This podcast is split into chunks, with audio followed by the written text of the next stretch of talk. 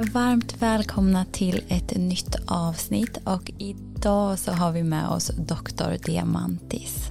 Tack så hemskt mycket tjejer. Det är en ära att få vara här igen. Ja, det är så kul att ha dig tillbaka. Det är ett av våra mest lyssnade avsnitt där förra du var med och vi har fått så mycket fin feedback. Så det känns bara så rätt att ha dig här igen och djupdyka ännu mer. Ja, vad roligt. Och jag har följt er och ert fina arbete och jag och så som många andra är jätteglada för vad ni gör. Tack detsamma. Mm. Mm, jag kan inte säga annat än detsamma. För jag får ju verkligen, jag går ju på behandling hos dig nu och får ta del av din magi. Och det är verkligen så fint. Tack. Mm, och vi kommer gå in på flera olika områden i det här avsnittet. Så jag tänker att vi bara hoppar rakt in. Vi möter ju kvinnor hela tiden i communityn som har utmaningar kopplat till kvinnohälsa på olika sätt som PMS, svårt att bli gravid, utebliven mens och så vidare. Hur tror du att det kommer sig att så många upplever utmaningar idag?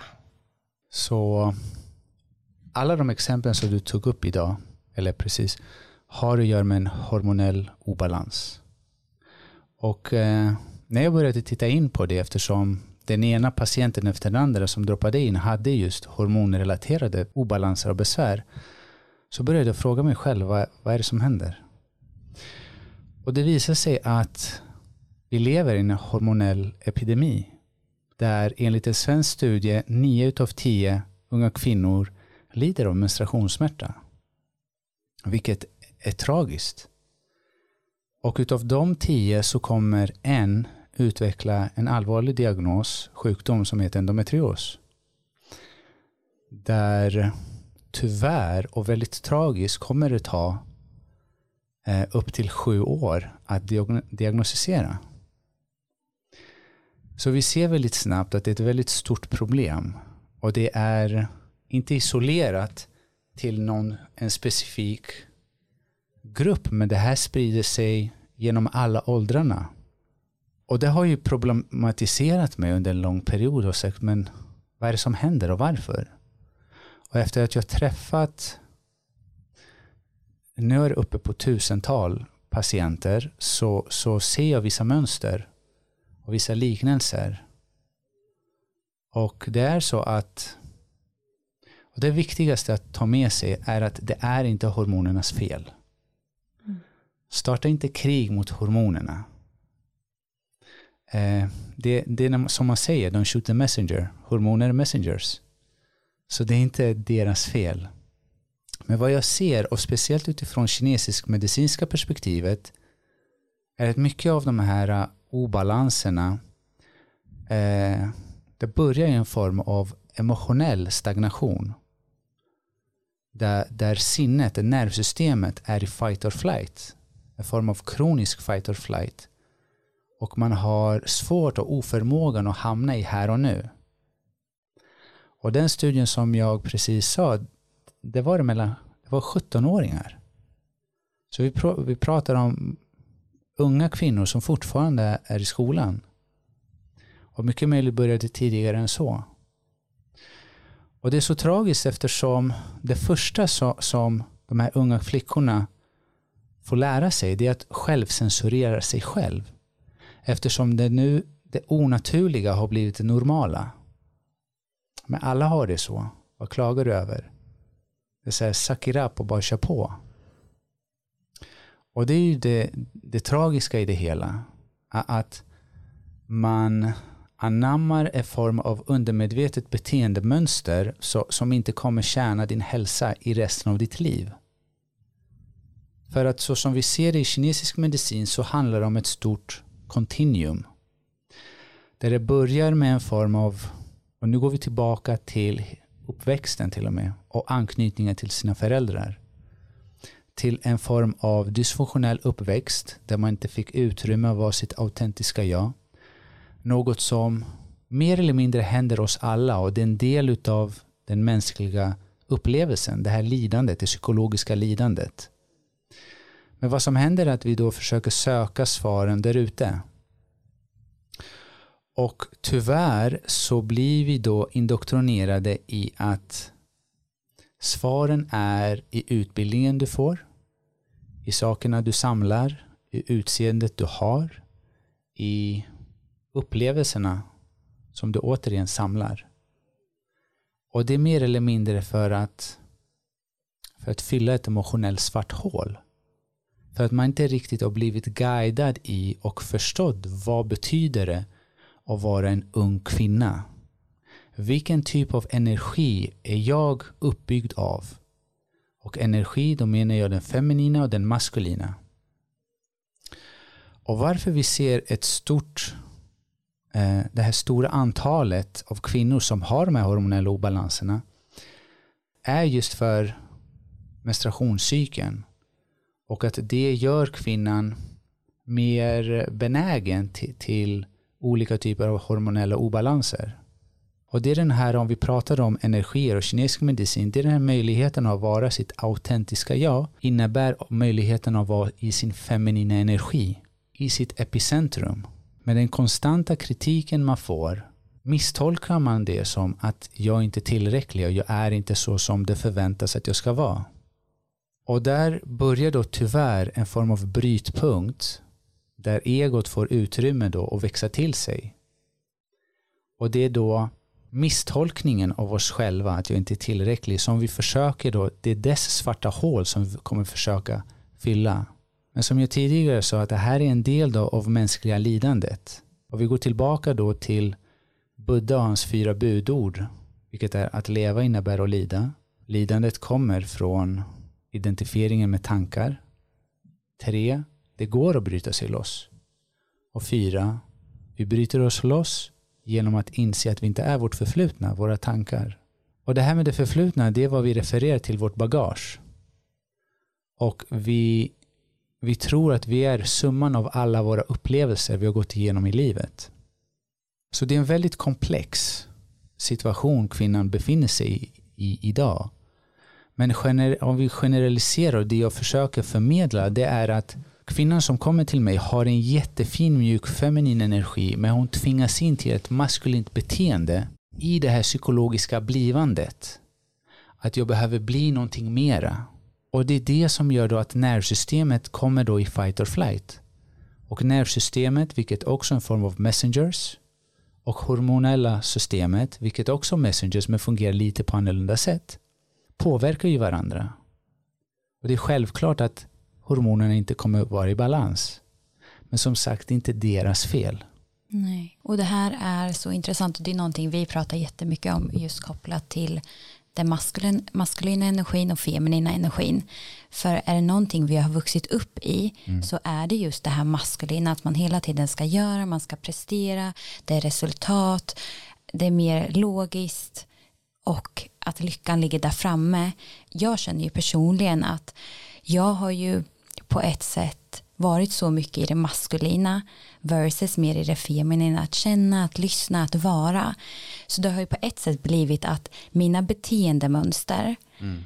har ju gjort att jag har hamnat i obalans, vilket för mig har kommit till uttryck i till exempel utebliven mens. Mm. Och läkningen till att få tillbaka en regelbunden cykel har ju framför allt för min del handlat om att omfamna mer av det feminina på ett sätt jag aldrig har gjort tidigare. Att verkligen så här lyssna på kroppen, att känna och också tillåta mig själv att få vara. Exakt. Och det är väldigt, vi, samt, när vi tvingas in till det maskulina, då är det oftast att vi blir indoktrinerade i frågan hur. Hur ska jag bli framgångsrik? Hur ska jag bli tillräcklig? Du, den här frågan hur är jättebra när det kommer till yttre världen men den är helt orelevant i den inre resan. I att tillåta dig själv vara ditt autentiska jag. För det finns inget hur att vara dig själv. All energi går åt att vara någon annan. Någon vi, vi tror att vi behöver vara för att vara tillräckliga. Men, och, och, det är det som jag ser frustrationen hos väldigt många. Det är den här önskan att vilja göra något för att hamna där. Men tyvärr så kan inte vi lösa tankarnas problem med mera tankar. Vi kan inte intellektuellt tänka oss in till hjärtat. Vi kan inte forcera oss dit. Det är en konsekvens av ett psykologiskt avslappnande när jag tillåter mig själv och när jag kommer till freds med allt jag inte är. Min kropp, mina tankar, mina känslor, mitt förflutna. Så när jag kommer till fullständigt freds med det och bara tillåter mig själv bara vara. Det är en form av surrendering. Och i den vevan kommer också tilliten till kroppen. Att kroppen kan läka sig själv. Mm. För att tyvärr så är det allt för många som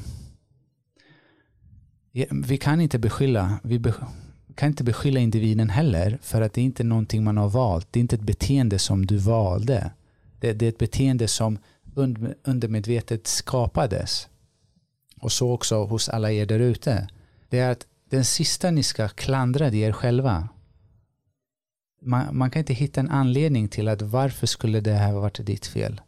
Det är bara hur olyckligt det har bara blivit. Men samtidigt så är faktiskt den psykologiska smärtan och lidandet är verktyget till ett högre medvetande. Och därför är det tyvärr nödvändigt. För annars hade man inte stannat upp och, och börjat fråga de riktiga frågorna, de relevanta frågorna. De existentiella frågorna. Vad är det jag egentligen vill? Vad är meningen? Vad ger mig ett syfte?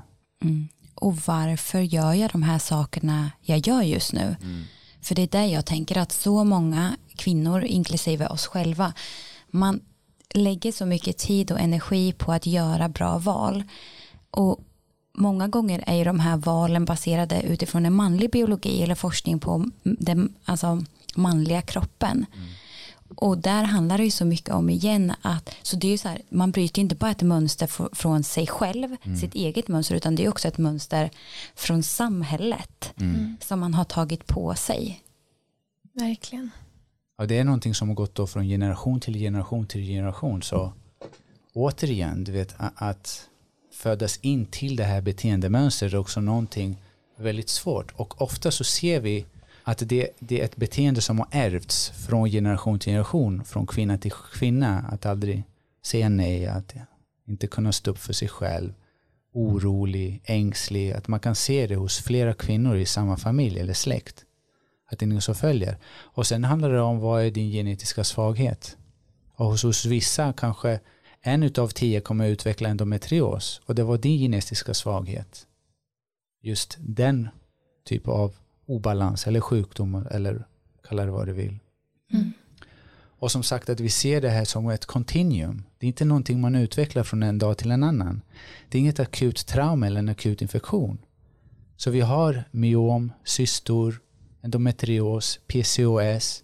Det är inte någonting som bara sker från en dag till en annan. Så börjar man tänka tillbaka, okej okay, hur var det i början? Ja, jag började med menstruationssmärta redan i högstadiet. Vad fick jag? Jo, jag fick spiral. Okej, okay. och sen då? Ja, då fortsatte jag. Jag var lätt irriterad.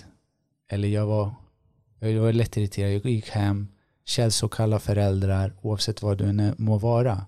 Det är en dysfunktionell uppväxt. Och sen ska man försöka bli med barn. Då tar man bort den. Och så helt plötsligt är det någonting som är på tok.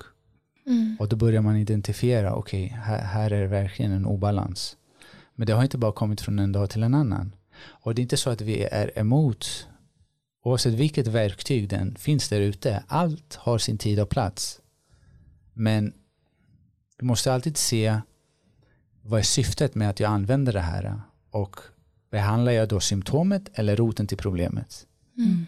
Ja, men det är så intressant att du går in på med benägenhet för det är någonting som vi har pratat om mycket att vi har ju helt olika liksom, så, så kallad genetisk svaghet att för dig har det mer varit ägglossning och för mig är det mer mage-tarm ja. och det är ju så alltså, verkligen individuellt från person till person ja. och det tror jag att man så lätt glömmer bort att man jämför sig hela tiden med andra och vissa saker normaliseras och ja, men just det här att försöka identifiera också så, men vad, är, vad är mitt område som kanske är ah, där svagheten finns. Exakt. Och vi reagerar ju på olika situationer på olika sätt. Det här med baktarmsystemet, det kan vara en känsla av att jag, min svag, eller den känslan som dominerar hos mig, det är oro. Oro, rädsla. Hos någon annan är irritation, frustration, ilska. Hos någon annan kan det vara någon annan känsla. Och enligt kinesisk medicin så ackumulerar de här känslorna i olika typer av vävnad.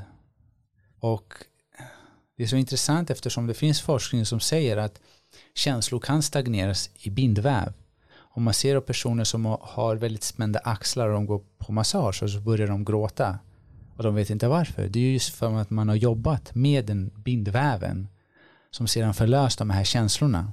Och eftersom vi har tre olika typer av bindväv, vilket också inkluderar de som är omringas olika organen, så är inte allt för orimligt att tänka sig att det är det som kinesiska läkarna i antiken upptäckte.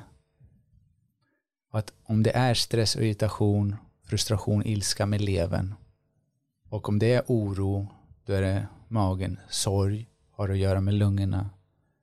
Och vi har rädsla har att göra med njurarna. Mm. Mm. Nej, men det är alltså så intressant och det är så Alltså jag älskar sättet hur du pratar om det för det blir verkligen en ytterligare dimension som jag tror att många inte tänker på och också hur man kan börja se sina utmaningar mer som gåvor att men för mig som du sa ägglossning att så fort jag inte lever i min sanning på ett sätt. Mm. Eh, jag kör på eller jag tränar för mycket eller jag skulle få i mig för lite mat eller jag hanterar inte det som dyker upp. Då är det, då är det att min ägglossning skjuts upp eller uteblir. Ja. Och ibland har jag bara känt så här, men måste det vara så här, jag gör ju bra saker, men det är ju egentligen en gåva för det visar ju någonstans att så här, det är dags för dig att stanna upp och mm. möta ja, men det som behöver mötas också, lever du på ett sätt mm. som är sant utifrån dig? Mm. Så jag tror, alltså just det här med beteendemönster och hur det kan komma i uttryck i symptom. Exakt. Så till de som lyssnar att verkligen ja, men våga lyssna in, okej okay, lever jag på ett sätt som är sant ja. för mig själv? Ja. Kan min PMS vara kopplat till det här?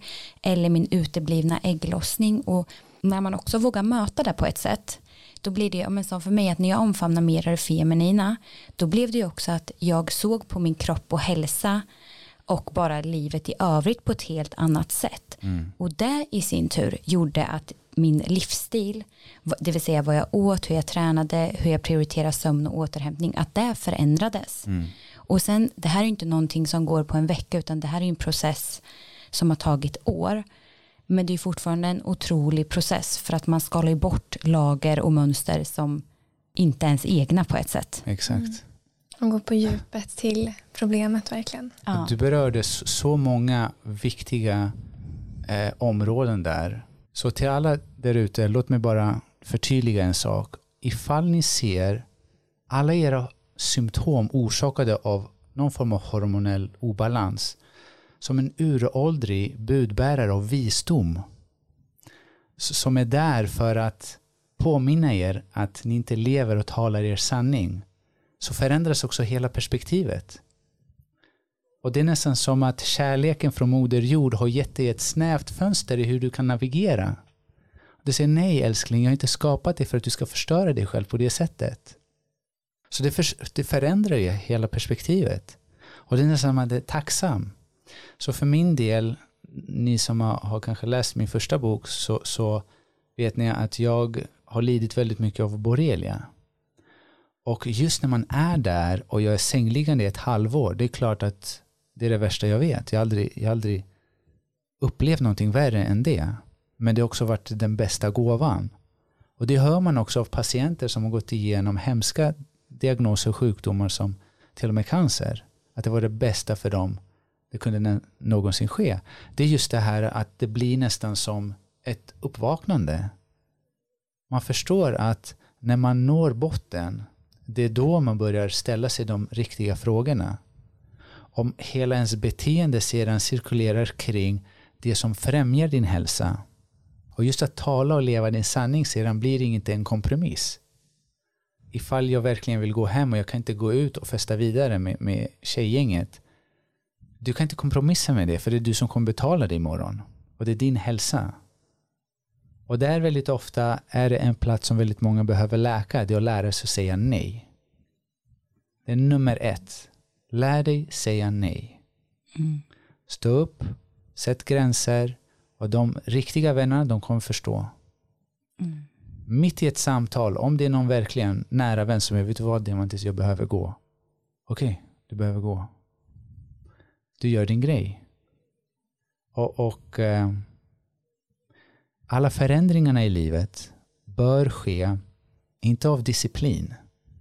För det finns ingen harmoni i disciplin. Det handlar inte om att lösa en sak för att sedan gå vidare och fortsätta en typ av livsstil som inte tjänar din hälsa. Som inte resonerar med din sanning.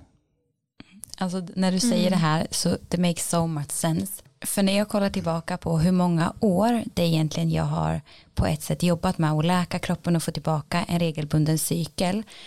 Så ibland så blir det ju att så fort jag kanske kliver in i ett beteendemönster som var mer som förut fast det är egentligen så stor skillnad men att jag kanske faller tillbaka lite det kommer till uttryck direkt i min cykel. Ja. Så på ett sätt är det en gåva för att det blir direkt så här, hallå, ja. men det är också på ett sätt frustrerande samtidigt som det är ju den finaste gåvan för det gör ju att så här, jag har ju valt, okej okay, jag tar en regelbunden menscykel, det är det viktigaste för mig. Mm.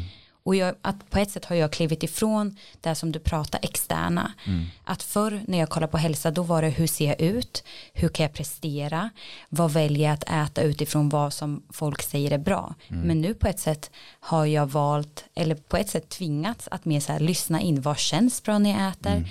Okej, träning, att nej men det är kanske inte den här typen av träning som passar mig just nu. Och att kroppen förändras, att kroppen har förändrats så mycket senaste tiden men där har jag också fått hitta gåvan i form av mm. att mitt värde sitter inte i det här yttre. Exakt. Utan jag är ju lika bra och värdefull även att mina jeans är svåra att knäppa. Ja, men alltså, så det blir ju verkligen ja. en gåva mm. på det mm. sättet. Ja. Verkligen. Så det vackra i, i det du säger är just att när vi är i vår resa, i vår sanning, så har vi inte så många personliga preferenser heller om du har utebliven mens, enligt kinesisk medicin så är det vissa specifika saker du behöver äta som du kanske inte är van vid, som du kanske inte tycker om. Till exempel, låt oss säga att någon har varit vegan väldigt länge och enligt kinesisk medicin du är väldigt kall. Det finns inget chi, det finns inget blod. Det finns ingen substans, du är helt dränerad. Och därav brukar vi säga att du behöver äta animaliskt, du behöver äta lamm, du behöver äta den kokad eller i grytor eller i någon soppa. Och det spelar ingen roll dina personliga preferenser. Och där ofta ser jag också att det blir ett motstånd hos patienten eftersom det kan vara så att de identifierar sig själv kring en form av träningsform, en form av utseende, en form av kost. Och helt plötsligt nu, det är inte den praktiska förändringen men det är den psykologiska identiteten som har skapats kring det här beteendet hur ska jag nu kunna gå tillbaka till mina vänner och visa att jag äter nu en, en lammgryta som Diamantis har rekommenderat? Ja, kanske jag kan skylla på honom. Men det är heller inte någon form av harmoni i görandet. Harmonin är att inse att okej, okay, det handlar om inte mina prefer preferenser. Det handlar om vad behöver min kropp just nu. Och utifrån det komma till harmoni utan att ha någon form av disciplin kring det. Verkligen. Ja att jag, okay, nu tvingas jag äta det här, mm. men jag önskar jag kunde bara äta det där. Men jag tvingar mig själv, så när jag äter min lammgryta så tänker jag på, ja, oavsett vad det nu än är. Mm. mm. Ja. Alltså jag tycker det är så viktigt att du nämner det här med disciplin, för att det är ett ord som jag personligen har så svårt för. Mm. För att det är ett ord som har värderats så högt och folk pratar om är man disciplinerad eller inte och att det då är bra att vara disciplinerad. Mm. Men det är precis som du säger att alltså, disciplin är ju inte grundat i harmoni för fem öre. Mm. Och jag tror att det är så här, ja, men viktigt att bara påminna sig själv om att ja, det, det, går ju tillsammans med det här du var inne på Sanna med liksom att producera, att hela tiden göra, att prestera. Det är ju ett liknande ord. Exakt. Som värderas. Och väldigt ofta inte. så kommer det utifrån, så vi, det vi gör kan vara energin bakom våra val kan komma från fyra olika platser. Det kan komma från rädsla, från skuld, från, eh, från plikt eller så kan det komma från kärlek. Så det kan komma från abundance och från scarcity. Så så länge man kan se det, då kan man också fråga sig själv, oavsett vart man är i sitt liv, oavsett vad man gör, vad är energin bakom den här intentionen eller det här, det, det här görandet? Kommer det från abundance? Fyller det mig? Eller dränerar det mig? Behöver jag sedan min egen tid för att fylla på batterierna? Eller känner jag mig upplyft efter det här? Mm. Och det är så, så, så viktigt. Och jag tänker också att vid första anblicken kan det ju vara så att man känner att det kommer från med det här lustfyllda. Men det kan ju också vara att man mer, att det kommer mer från ett mindperspektiv eller att man är fäst vid någonting. Mm. Så att verkligen, verkligen lyssna in att är det här av kärlek för att min kropp kanske mår bra av det eller är det för mitt mind för att jag tänker att jag mår bra av det. Ja, Mm. jag förstår. Det finns en annan risk också som jag tror är värt att nämna. Det är just att när man är i en sån här resa, frågan hur ett väldigt bra verktyg, men i de yttre praktiska sakerna. Hur ska jag äta, hur ska jag sova, hur ska jag träna, hur ska jag klä mig och så vidare. Och därefter är det viktigt att skapa distans till det. Sluta pilla. Jag älskar det. Du har sagt till mig, sluta pilla. Man är där och pillar hela tiden. Det är som ens existens handlar om att läka sig själv. Och någonstans i den vågen har man tappat full tillit till att kroppen ska göra det själv. Det är som att jag, mitt ego, ska fixa mig själv. Jag beordrar mig själv att bli gravid, att få en ägglossning, att ha en normal mens. Och då är det så nästan som visdomen genom moder jord och vår kropp bara skrattar åt oss. Vad, vad håller du på med? Vem tror du att du är? Mm. För igen blir det maskulint. Mm. Och disciplin och styra. Och, Ja, exakt. ja. Ja. Och tyvärr, det kommer från smärta och det kommer från rädsla. Mm, ja, men så fin påminnelse. Mm.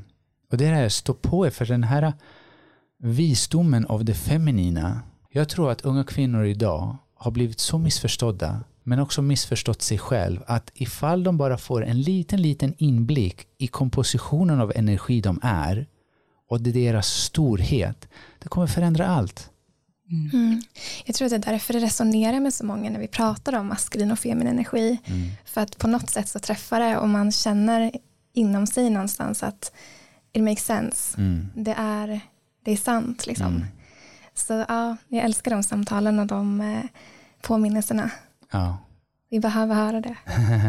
Vi behöver påminna varandra, för det här är någonting kollektivt. Verkligen. Det så att du kastar en kotte, du träffar någon med IBS eller du träffar någon med utebliven mens eller med menstruationssmärta. Och det är inte så att männen inte lider. Det, bara, det uttrycker sig inte på samma sätt. För att om, om vi bryter ner det lite mer för att man, för lyssnaren ska förstå lite till, är att just det här beteendet av att skapa och göra mera, det är en väldigt yang, en väldigt maskulin energi.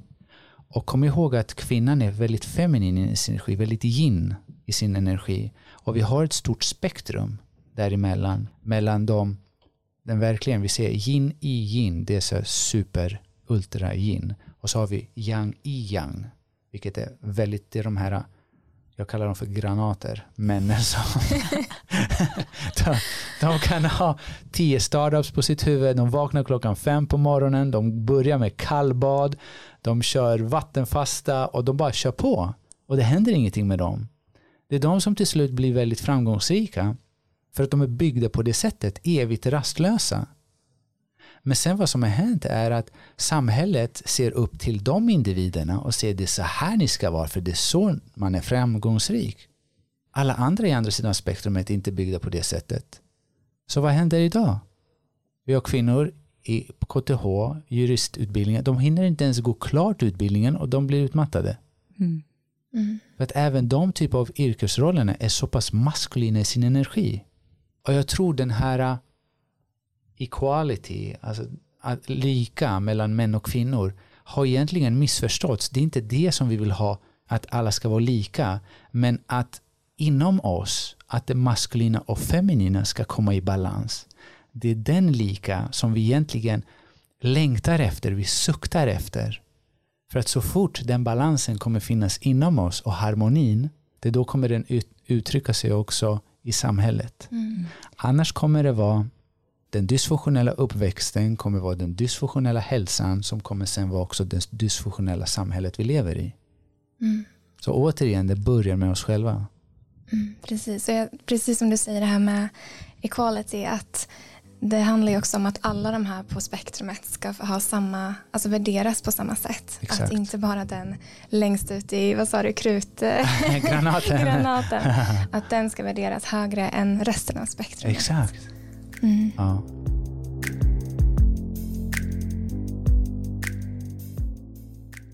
I dagens avsnitt vill vi tacka vår magiska sponsor Källa som erbjuder svenska, veganska och probiotiska kosttillskott. Ja, och om det är någonting som har uppmärksammats de senaste åren så är det ju hur viktig vår mage och tarm är när det kommer till vår hälsa. Och inte helt otippat så har ju också tarmhälsa en stor betydelse för våra hormoner och vår menscykel. Ja men verkligen. Och Källas probiotika är baserad på mer än 30 års svensk forskning och där har de olika probiotiska tillskott som kan stötta vid olika behov. Så till exempel matsmältningsbesvär, immunförsvaret eller för att lugna effekterna av en stressfull vardag. Ja, och personligen så har jag använt deras probiotika Repair som ska hjälpa till att stötta tarmen vid just stress. Ja, men som många av er känner till så har jag jobbat jättemycket med att minska olika typer av stressorer i min vardag för att kroppen verkligen ska känna sig lugn och kunna prioritera ägglossning. Så en viktig del för mig i det här arbetet har ju varit att stötta min mage och tarm men också att plocka bort sånt som kan störa mage och tarm. Och stress är någonting som jag tror många känner igen sig i. Och det är olika för olika personer men för mig sätter det sig ofta stressen i just magen och är väldigt nära kopplad till IBS för mig. Så jag kan verkligen märka hur mina IBS-symptom blir värre när jag är i en stressig period till exempel. Så där är det ju perfekt med probiotikan som gör att min mage har blivit mycket lugnare, jag blir inte lika uppblåst eller gasig och så känner jag mig bara överlag mer balanserad. Mm. Och probiotikan kommer i form av ett pulver så det här är superenkelt, man kan blanda blanda ut det i kallt vatten, i smoothies, i sin grekiska yoghurt på morgonen, i chiapudding, bollar eller bara ströra över kall mat. Och det här smakar ingenting och löser upp sig hur bra som helst. Ja, och vi har en eh, fantastisk rabattkod. Så med WomenSync med stora bokstäver så får du 100 kronor rabatt på ditt köp hos källa.com. Så gå in på kalla.com och eh, beställ där. Tack Källa för det här fantastiska samarbetet. Tusen tack. I dagens avsnitt vill vi tacka vår underbara sponsor Syd som producerar ekologiska mensskydd som levereras direkt hem till dig. Ja, och vi älskar ju att Syds mission, precis som vårat, är att underlätta för kvinnor att må så bra som möjligt under månadens gång. Ja, och som ni vet så har ju vi pratat jättemycket om hur vi utsätts för olika kemikalier i våra mest vardagliga produkter senaste tiden. Och mensskydd är ju en sån här typ av produkt som kan innehålla flera olika kemikalier, alltifrån blekningsmedel, parfymer och andra typer av gifter. Precis, och vi själva använder ju Syd eftersom att deras mensskydd är gjorda av 100% ekologisk bomull och de är utan parfym och färgämnen. Och istället för att blekas med klorin så behandlas de med hydrogenperoxid. Och anledningen till att man bleker bomullen alls är för att rengöra och desinficera den från vax och andra rester som finns i råbomull. Mm. Och Syd har allt ifrån tamponger, trosskydd, bindor eller menskopp beroende på vad du helst använder under din cykel. Mm. Och någonting som jag också älskar med deras mission det är att för varje sålt paket så gör de det möjligt för flickor i Elfenbenskusten att kunna gå till skolan under sin mens och det gör de tillsammans med Rädda Barnen. Mm, så himla viktigt och fint. Och mm. vi kan också dela med oss av ett erbjudande till er. Så genom att använda koden WomenSync med stora bokstäver så får ni två produkter gratis på Syds hemsida talkaboutsyd.com och ni får även med er deras snygga plexibox som man kan lägga sina produkter i. Så himla nice. Stort tack Syd för det här fantastiska samarbetet.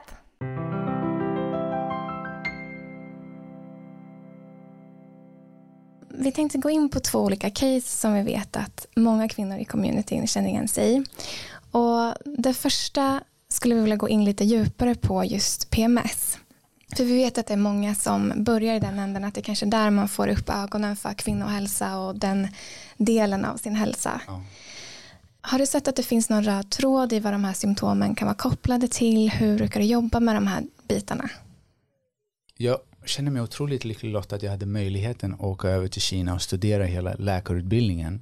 Just för att kinesisk medicin har en sån ofantlig stor grund i just hormonell hälsa och har haft det i årtusenden. Om ni bara försöker greppa det här att när gynekologi var en egen enhet i kinesisk medicin var Sverige fortfarande i bronsåldern. Oj, mm, det är mäktigt. Förstår du? Det var alltså läkare som jobbade bara som gynekologer och här var vi i bronsåldern. Så genom årtusenden har det ackumulerats så pass mycket visdom och att idag PMS är ingen utmaning. Det är inte så att någon kommer med PMS till kliniken och jag känner, oh, vad ska jag göra med henne? Det oh, jag måste öppna böckerna för att se. Det är en no-brainer. Det är så enkelt att fixa och det är så frustrerande att det är så många som fortfarande går runt och lider av det här för att det är helt onödigt. Okej, okay, det finns en form av esoterisk resa och inblick i känslor och så vidare. Men det finns så bra verktyg idag som man kan ta till. Jag har varit så frustrerad att jag och min eh, kollega Patricia bestämde oss att göra en egen studie. Mm, vi delade ju den på Instagram. Precis. Mm. Så vi hade 16 stycken tjejer som avslutade den. Och den studien och, finns med då i boken som kommer nästa månad, Hormonell harmoni. Mm, vi ska gå in lite djupare på den sen till er som lyssnar och är nyfikna. Ja. Mm. Och det är just för att verkligen förstå att det finns undergrupper. Så PMS är någon form av eh, större benämning på sex olika undergrupper enligt kinesisk medicin. Där den främsta är kallar vi orsakad av att leverns qi är stagnerad. Så om vi bryter ner det för de som lyssnar första gången på de här kinesisk medicinska termerna så har levern inom kinesisk medicin har den viktigaste funktionen att se till att cirkulationen av qi är så som den ska. Och när qi cirkulerar så cirkulerar också blod. För qi och blod, det är som yin och yang. De cookies and cream, de går tillsammans. Och vad man menar att leverns chi är stagnerad är att det finns någon form av blockad. Och man kan undra vad har just levern att göra med just menstruationen? Kinesisk medicin säger att levern förser livmodern med blod för att kunna menstruera. Och då tänkte jag väldigt länge att okej, okay, varför just den metaforen? Vad betyder det här egentligen fysiologiskt? Och det visar sig att levern metaboliserar östrogen. 80% av all östrogen metaboliseras av levern som under stress, vilket stagnerar leverns chi gör också att konsumerar mera av vitaminen B6. Och B6 visar sig vara otroligt viktig, avgörande för att levern ska kunna metabolisera östrogen. Och därav är en av de verktygen som man kan ha det är att börja ta B-vitaminer. Just för den anledningen. Men den centrala behandlings formen inom kinesisk medicin har varit kinesiska örter. Många tror akupunktur, akupunktur är jättebra men örterna är avgörande. Du kan ta en kur från ägglossning under en vecka dricka de här förlåt men äckliga örterna och sedan känna direkt förbättring. För dels så påverkar de då metabolismen av östrogen. Dels så är de adaptogena, balanserar östrogen med progesteronet och de andra hormonerna. Och dels är de antiinflammatoriska, för vi vet att det finns prostaglandiner i slemhinnan som drar ihop sig och skapar en form av inflammation. Och det här har man sett om man har studerat de här örterna, de recepten, och man har sett vad de gör ört för ört. Mm. Så det finns väldigt mycket forskning. Till och med att den, eh, den ideella organisationen som heter Cochrane som granskar, väldigt kritiskt granskar all forskning som finns där ute har sagt att kinesiska örter kan funka mot PMS och menstruationssmärta. Och därför valde jag och precis jag att göra den här studien för att jag vill inte ens ha dem på kliniken. Inte för att jag inte vill ta emot, men du behöver inte ens komma dit. Mm. Och tillsammans då så har vi också livsstilsförändringar. Mm. Så mer praktiskt för de som lyssnar. Så örter är en del. Ja. Esoteriska resan absolut en ja. del. Men sen örter, vad mer kan man göra? Ingen kaffe. Där har ni gjort ja, jättebra arbete med ert eh, substitut. Mm. Eh, därefter ingen socker. Socker verkligen ställer till det för kroppen. Och det går ju också in i boken väldigt detaljerat och kolla vad är det som gör det. För att om man säger till någon bara ät inte socker. Okej. Okay.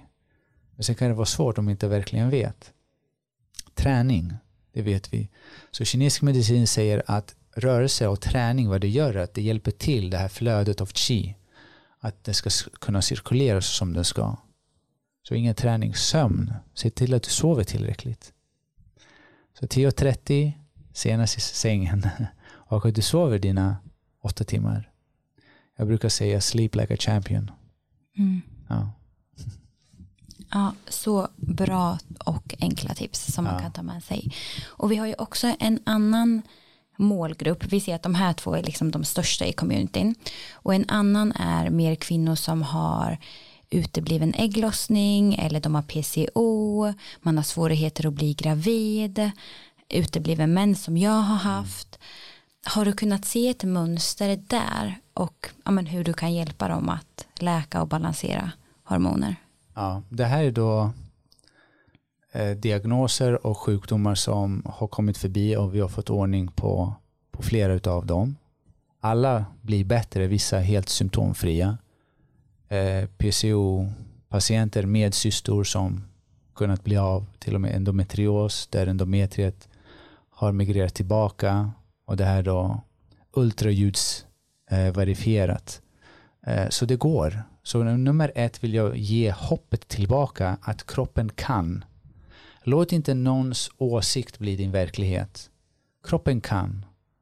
Eh, så länge den får rätt förutsättningar. Och om inte den kan fullt ut så kan den se mycket väl, mycket bättre än vad den mår idag.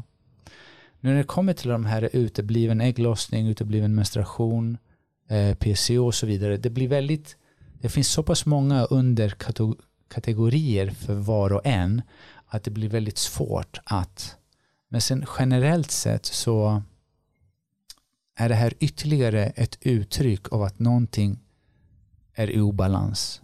Och just för de här kvinnorna så var det här deras genetiska svaghet. Nu, bara för att blicka tillbaka i den nya boken som kommer är att alla de, det som du just nämnde, det, det går igenom just obalans för obalans. Det är lång cykel, kort cykel, utebliven, eh, oregelbunden och så finns de här underkategorierna med specifika tips och råd vad de kan göra för att hjälpa sig själva. Och samma sak med också med PCOS. För det är väldigt många som frågar mig.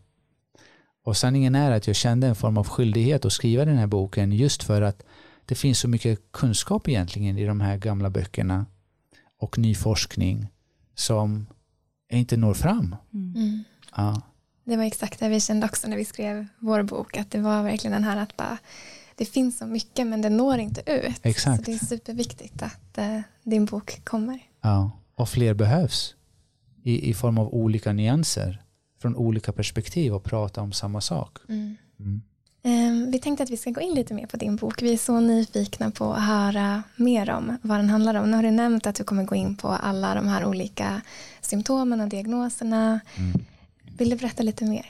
Ja, jag börjar faktiskt från början och beskriver lite hur jag ser på, på kvinnan och den unga kvinnan idag. Vad hon bär med sig, vad som har hänt under tiden.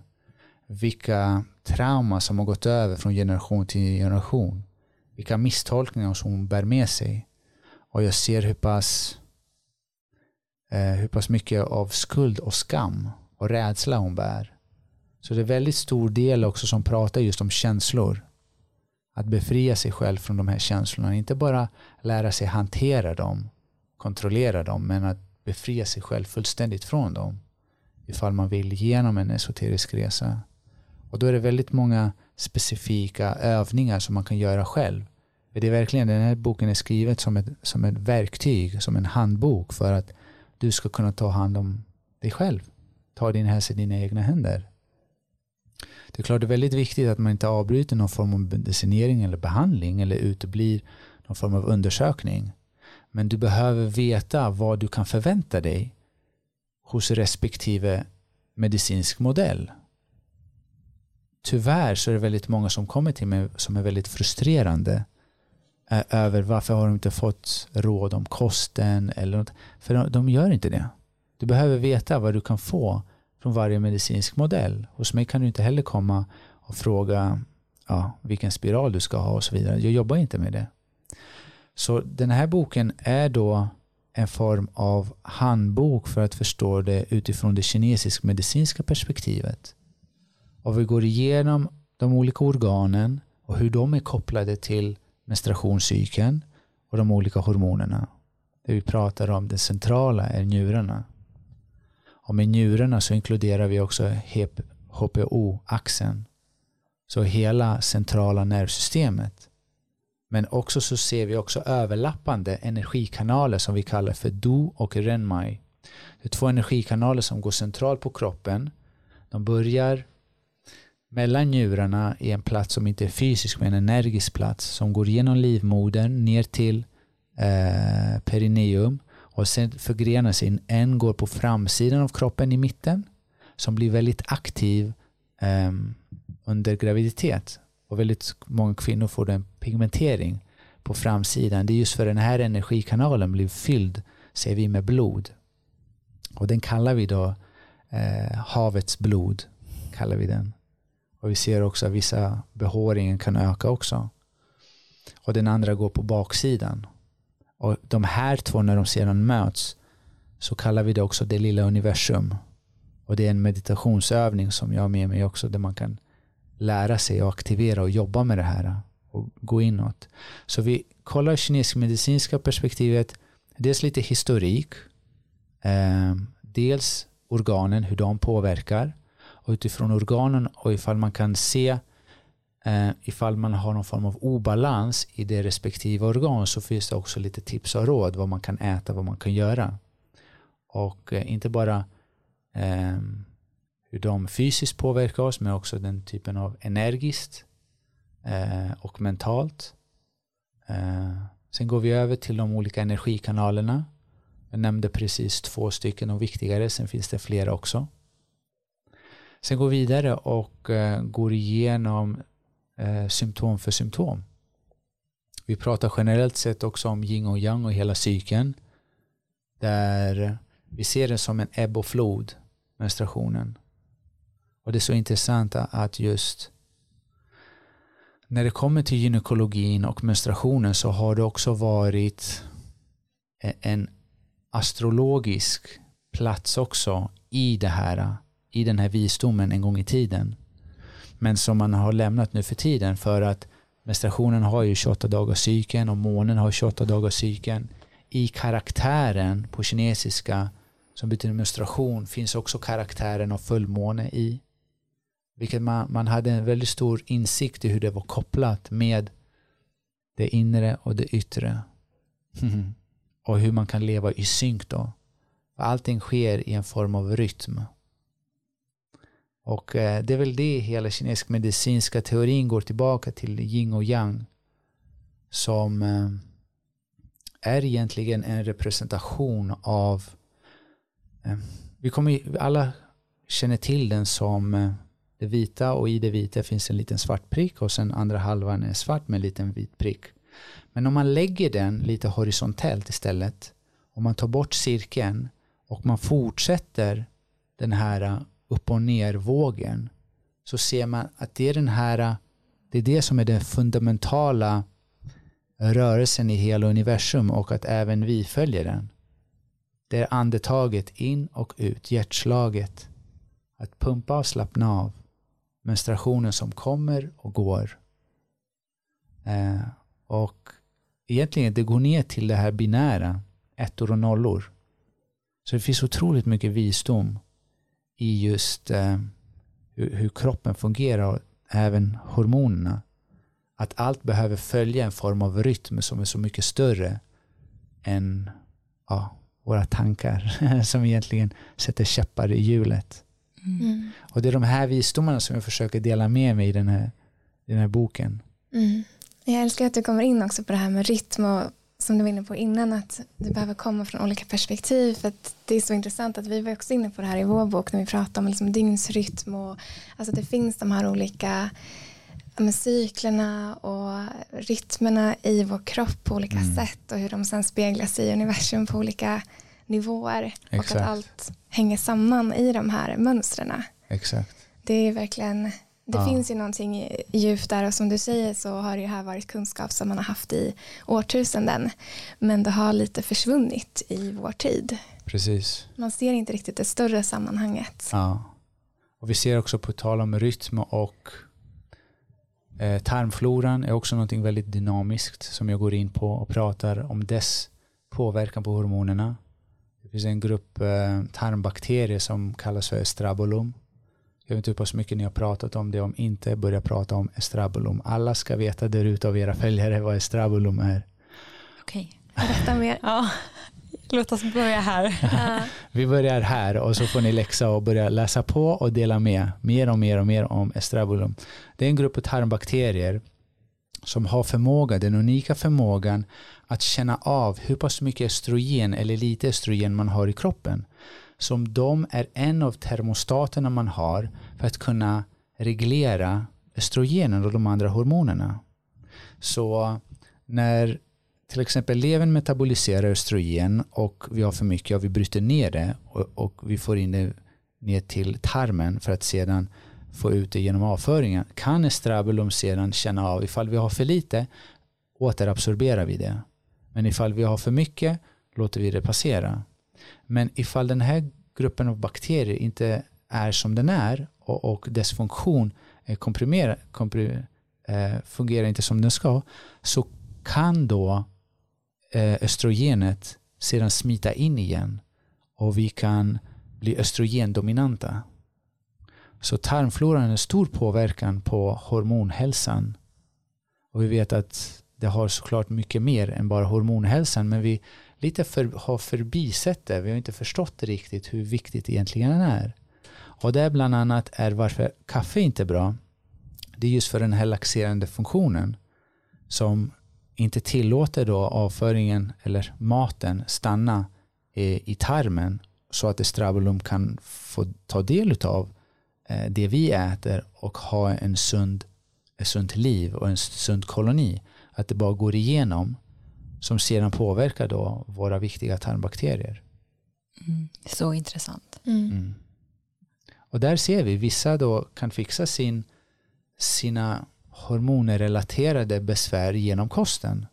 Bland annat genom för att via kosten så får de ordning på estrabulum. Mm. Jo, men för det var faktiskt en fråga vi hade. Är det några saker du ser i din praktik som just kopplat till kost och livsstil som du ser men på ett sätt hindrar kroppen från att kanske läka? Eller stör Mm. på något sätt? Du var inne lite på det förut men jag tänker mer konkret. Ja, vi kan gå in på det. En sak vill jag bara bemärka det är att anledningen varför vi ser IBS och menstruationsbesvär är väldigt nära kopplade. Här har ni svaret. Mm. IBSen med tarmfloran som inte är som den ska och ho- hormonerna. Mm. Och jag lyssnade på en podd med dig för, men det var ett tag sedan. Då pratade du också om det här hur IBS, men att det kunde vara stagnerat, alltså typ stagnerade Precis. känslor också. Vi kallar det att levern attackerar magen. Mm. Så att om man har IBS så kan det vara stagnerat. Precis. Mm. Och då återigen, nervsystemet är i fight or flight. Mm. Tarmfloran kan inte vara balanserad ifall vi är time of fight or flight. Mm. För det vi äter inte vem vi är. Vi är det som kroppen kan bryta ner på rätt sätt och sedan absorbera. Så du kan äta världens bästa kost men ifall du inte bryter ner det på rätt sätt, ifall inte du kan få upp näringen på rätt sätt, vad spelar det för roll vad du äter? Du kan Mm. trycka i dig världens alla kosttillskott och bästa kosten men ifall du är ja, äter på stående fot eller med en skärm framför dig hela tiden kroppen vet inte ens om att du äter då. Mm. Vet, att äta är en helig stund. Nej, men jag känner igen mig i eh, det här med att stress i sig, alltså att inte vara i stunden eller att ha, vara i fight or flight. Mm. Det är vad jag har identifierat som den största anledningen till min IBS. Mm. Att det handlar egentligen inte alltid om vad jag äter utan är jag inte i nuet och jag är inte liksom lugn och harmoniserad Mm. så fungerar inte magen. Hur var din IBS under sommaren? Eh, bättre.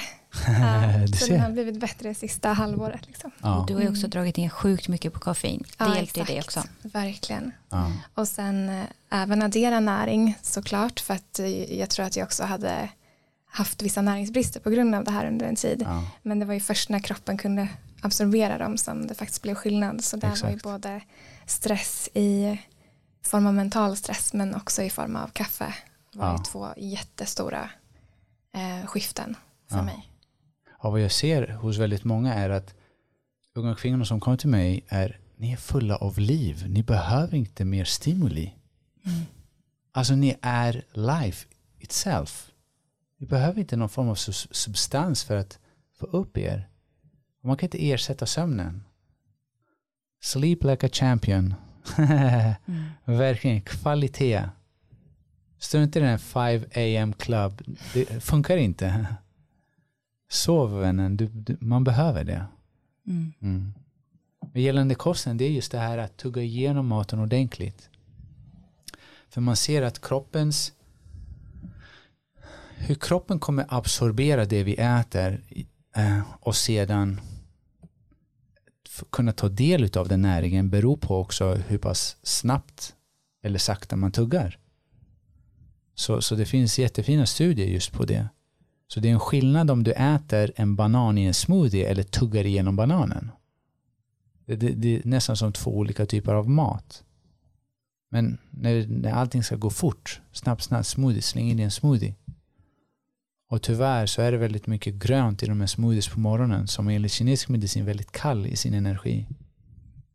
Så det jag försöker styra alla kvinnor mot är varmare.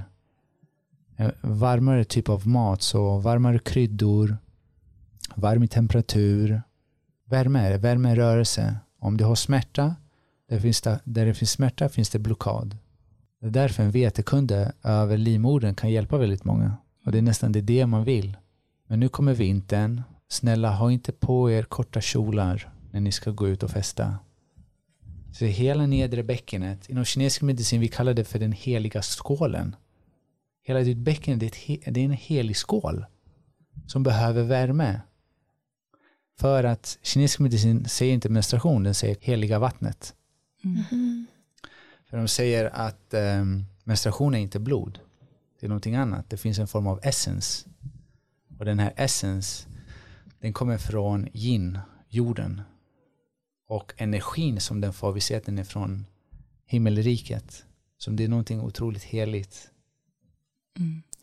Ja, så värme till er som lyssnar nu, kanske ute och går en promenad eller vad som helst, för det säger, nu går jag på akupunktur hos dig nere i Sverige, men Ja. annars har jag gått på Island och där är det ju väldigt kallt. Mm. Och när jag kommer, hon bara, vad har du på dig? Och då är jag ändå vinterjacka, tycker jag, och ett par byxor och typ en stickad tröja. Hon bara, var är ullkläderna? Var har du dina långkalsonger? Jag bara, va? Ah. Jag har jättemycket kläder. Hon bara, nej. Hon bara, när du fryser, eller när kroppen känner att den fryser, Ja. då går ju så mycket energi åt att värma den hela Ja. tiden. Att uppnå någon form av liksom homostas. Mm. Så, Och då är det redan för sent. Då är det så här, då har du fel den dagen. Hem och göra hemläxa igen. mm, Ja, nästa dag. Så varmare, investera i, i varma leggings och så vidare. Men definitivt övre delen av låren hela vägen upp till, till naveln. Det, det partiet ska vara, det ska vara varmt helt enkelt. Hela tiden. mm. Jag har faktiskt jobbat ganska mycket med just värmekudde. Mm. Och det är väldigt skönt och avslappnande på ett sätt. Mm. Verkligen. Inte för att jag har haft ont utan mer för att tillföra värme. Ja, Med tanke på att det är väldigt kallt på Island. ja, jag förstår. Så har det varit så här. Men det är ett sätt att värma upp kroppen. Ja. Ehm, Man brukar också känna sig väldigt lugn när man har en värmekudde. Alltså att Ja. det liksom dämpar och blir lite så omfamnande på något sätt. Exakt. Mm.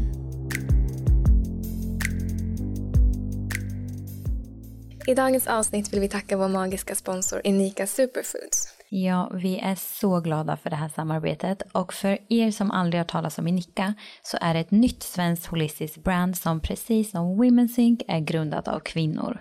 Mm. Och anledningen till att vi älskar Unika är ju för att deras produkter är gjorda på naturliga ingredienser och att de är helt fria från tillsatser. Mm, det här är så viktigt för oss. Och vi satt ju precis och tog en kopp chica roast och en bar.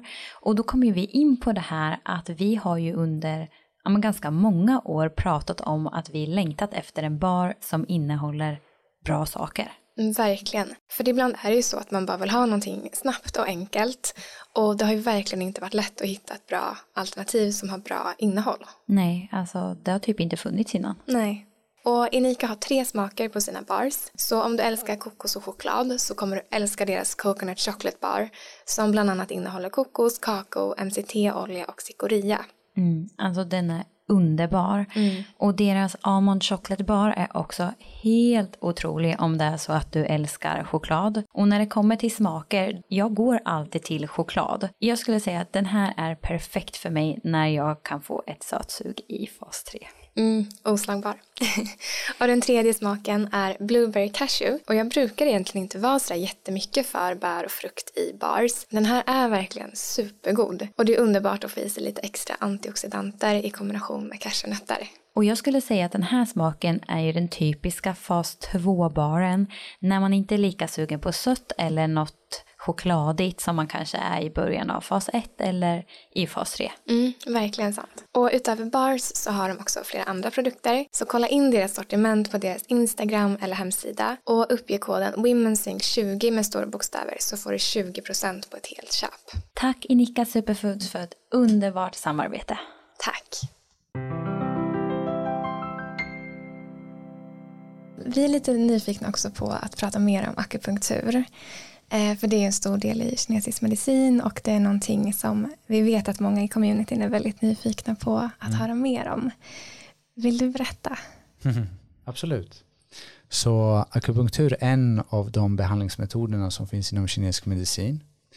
Och till skillnad från vad många tror att akupunktur är lika med kinesisk medicin så är det kanske endast 20% av alla fall som kommer in till kliniken eller sjukhusen i Kina där man behandlar enbart med akupunktur. Det centrala är örter och sen kompletteras det med akupunktur. Om inte det är för muskuloskeletala besvär. Eh, det är vissa områden de överlappar varandra och vissa områden som eh, akupunktur inte eller har väldigt, väldigt svårt. Och speciellt när det kommer till fall i form av deficiency, att man har brist på saker och ting. Man har brist på yin, brist på chi, brist på blod. Eh, då är det väldigt svårt för akupunkturen i sig att bygga upp det. Medan om man har för mycket av någonting, vi delar upp oftast eh, alla sjukdomar eller symptomen till, är det här på grund av någonting för mycket eller någonting för lite? Men det som det är orsakat på grund av excess, där är akupunkturen väldigt bra i så fall att ta bort. Men vad akupunktur är, är det är jättetunna nålar som inte penetrerar hudcellerna. Men man har sett att de bara knuffar undan dem på ett, eh, på ett vis. Och eh, för de som har provat, de flesta brukar nästan till och med somna eller man hamnar i en form av dvala. Första gången man går på akupunktur kan det kännas eh, nytt och då är egot där och ska kontrollera och se vad är det som händer. Då har man svårt att slappna av. Men eh, gången därefter så, så kommer man in i ett, i ett lugn. Så varje nål gör är att eh, se det som en trafikpolis som ser till energin hur den ska flöda. Och eh, då väljer man då vissa punkter ut efter energikanaler som är kopplade med specifika organ som vi säger IBS orsakad av svag mage, ja, men då har vi några punkter som stärker magen. Och menstruationsbesvär på grund av en typ av blockering i vissa organ. Och då har vi då punkter som ser till, som hjälper till att chi och blod ska flöda mycket bättre. Mm. Så är det de här trafikpoliserna. mm. Och det är ju jag går ju på akupunktur hos dig nu och gör en kur. Mm. Men jag får ju också örter. Mm. Och det jag har upplevt på akupunkturen det är verkligen för den jag går på hos, i, på Island då är det en halvtimme. Mm. Medan här blir det ju mycket mer meditativt på ett sätt. Mm. För att det är en och en halv timme. Mm. Så det blir också att jag ger mig själv eller du ger mig möjlighet att skapa ett space där Exakt. jag faktiskt har möjlighet att bara vara. För att jag skulle aldrig lägga mig på det sättet en och en halv timme mitt på dagen. det känns bara som ett kraftfullt verktyg i form av att dels så hjälper man kroppen på traven, man öppnar upp de här energibanorna mm. samtidigt som man också får möta saker som kommer upp. Mm. För för mig har det nästan varit en form av ceremoni mm. och det är inte bara enkla saker utan det är också att man möter vissa saker som ligger där. Mm. För man känner sig mer öppen eller som att kanalerna på ett sätt kan öppnas och flöda fritt. Ja. Så för mig har det också blivit ja, men, en fysisk del men också vä väldigt mycket en emotionell del. Exakt, och jag försöker styra den på det viset. Bland annat också med musiken som jag mm. väljer att ha. För att musiken är ett väldigt kraftfull, kraftfullt verktyg just i att påverka sinnesståndet på specifika sätt. Mm. I att komma åt djupare sanningar, djupare känslor och verkligen möta dem och se. Eh, och det är inte någonting som sker aktivt. Det är nästan som en konsekvens av den här psykologiska avslappningen. Det är då de kommer upp och det är då aha moments kommer. För det är inte någon som är inne och letar. Det är så här, jag hamnar i en djup dvala och så helt plötsligt så kommer det någonting mm. som, som jag ser. Och det är så sant det du säger om musiken för att beroende på vilken musik det är så kommer det öppna upp olika saker. Så är det mer en lugn låt då kan det vara vissa saker kanske sorg eller an, vissa saker sen kan det vara någon som är mer energi i och då kommer det liksom skifta. Så det är väldigt coolt att vara i det här och också tillåta de här olika tillstånden få flöda för man kommer till typ olika platser. Exakt. Kanske inte makes sense för er som lyssnar men för ja. mig gör det väldigt mycket. Men jag kan också säga så här, kanske ni kan greppa det lite bättre, är att de känslorna som är ytligast och skapar den ytspänningen av, låt oss kalla det stress. Om de mest dominanta känslorna i den här perioden av ditt liv är frustration och ilska eller om det är sorg, då är det det som kommer bubbla upp och det är de känslorna som kommer uttryckas. Så det är inte att jag per automatik kan säga ja men Sara, känslan sorg ska komma nu. Det kan inte jag styra över. Det är vad din kropp, vad din hink är fylld med. Mm. Det är vad du kommer behöva tömma. Och antingen kommer vissa göra det där på plats och börja gråta eller känner en ilska eller så en process som startas och säger ja, men dagen efter eller samma kväll eller några dagar efter så kände jag så här och så här så här. Det har varit en tuff period men jag känner mig lättnad. Och det är just det här att vi alla går runt och har den här hinken och frågan är vart tömmer vi den här hinken? Mm. Och till alla lyssnare där ute, vart tömmer du din hink? Vart går du och uttrycker dina känslor?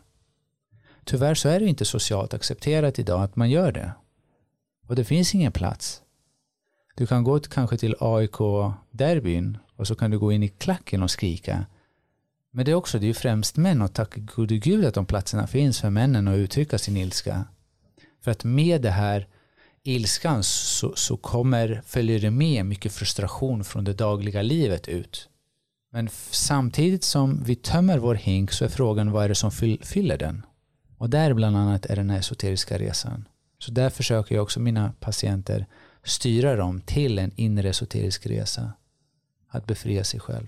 Mm. Så nu har vi varit inne mer på akupunkturen och vad den gör. Så den är egentligen att amen, trafikpolis styr energin, kan öppna upp saker, få saker att flöda. Mm. Och du var inne lite på det här med örterna, att har man till exempel brist, som jag har ju ginbrist, mm. men också någonting med kiva. Ja. ja. Så då kan örter vara en viktig del i processen. Vad är det mer specifikt örterna gör då?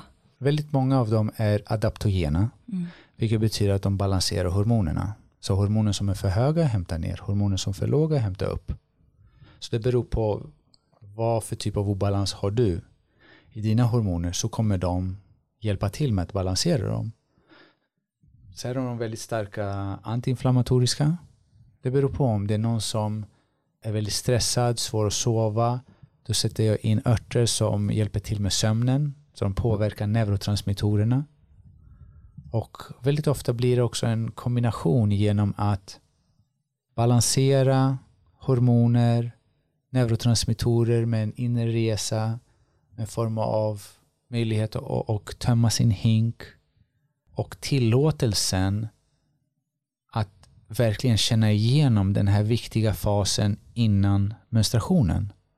För om du ser PMSen som gåvan till dig som lyfter upp allt ditt skit till ytan som du fortfarande inte har bearbetat, då är det nästan som att man är tacksam för det. Och meningen är att du ska projicera det någonstans utåt och inte återigen svälja det och orsaka en implosion istället för en e- explosion. Men de här örterna, vi använder ju metaforer inom kinesisk medicin och vi har fyra stycken olika kategorier. Att vi har en huvudört som är den viktigaste i just ditt fall och sen bygger vi på att det finns de som hjälper till och så finns det de som harmoniserar hela receptet. Så receptet kan innehålla allt från 12 till 20 olika örter. Mm. Och, och, det vackra är att när man skriver ihop det här att man visualiserar och ser det här som en tredimensionell struktur som man sen vill att de ska göra ett form av arbete och ett jobb i kroppen. Mm. Ja, men det finns så mycket visdom och intelligens i örterna mm. som man inte har kanske varit medveten om tidigare men vi har ju verkligen fått upp ögonen för det här med örter både kinesiska men alltså västerländska mm. och det är någonting som man många det, man använder inte det men att hur man faktiskt kan använda dem i vardagen på så många sätt. Precis. Så ja, det, det Och det finns, ju, det finns ju de som är örter örter, de man mm. dricker dem endast när man går till någon som förskriver dem åt dig. Men sen har vi ju de som vi kallar lite för te. Mm. mm. Och de har ju också sin inverkan. Mm. Om man kollar till exempel på, på Medelhavet och Grekland där min far är ifrån. Man använder sig ju av både örter och kryddor på ett helt annat sätt. Mm. Så man får i sig så mycket mera utav det här på en daglig basis. Mm. Mm. Istället att det blir bara snabbmakaroner och falukorv. Det finns inte så mycket näring i det. Nej, men vi har jobbat med en herbalist på Island ah. och det är så coolt för hon går ju och plockar mycket av örterna i naturen mm. och de som finns där mm. och att få ta del av dem vi har ju själva känt att det här är så mäktigt mm. Mm. och sättet hur hon, hur du pratar om det blir ju, man förstår att det finns så mycket mer visdom än att det bara är en ört eller en adaptogen. Mm. Det finns liksom, det går way back. Mm. Ja. Precis, det är ju liksom naturens medicin som vi alltid har haft till hands. Ja. Mm. Mm. Jag be beskriver det här väldigt tydligt i min första bok just att varför just örter? Just för att växter var ju det första som migrerade ifrån havet. Och de har ju inga fötter att kunna fly olika typer av hot som var tvungna att utveckla en form av immunsystem för att kunna skydda sig mot UV-strålning, mot vind, mot kyla, mot ja. Så varje landskap som de migrerade till var de tvungna då att sakta sakta utveckla det här typen av deras immunsystem och det, det är det som vi sen tar del av. Mm. Det känns som att vi har fått en så fin inblick både i din kommande bok och i kinesisk medicin och så mycket verktyg att ja, kunna implementera hos sig själv. Och jag tror att det kommer att träffat folk på så olika plan och med så olika utmaningar men jag tror alla har fått med sig både tankeställare och verktyg. Mm.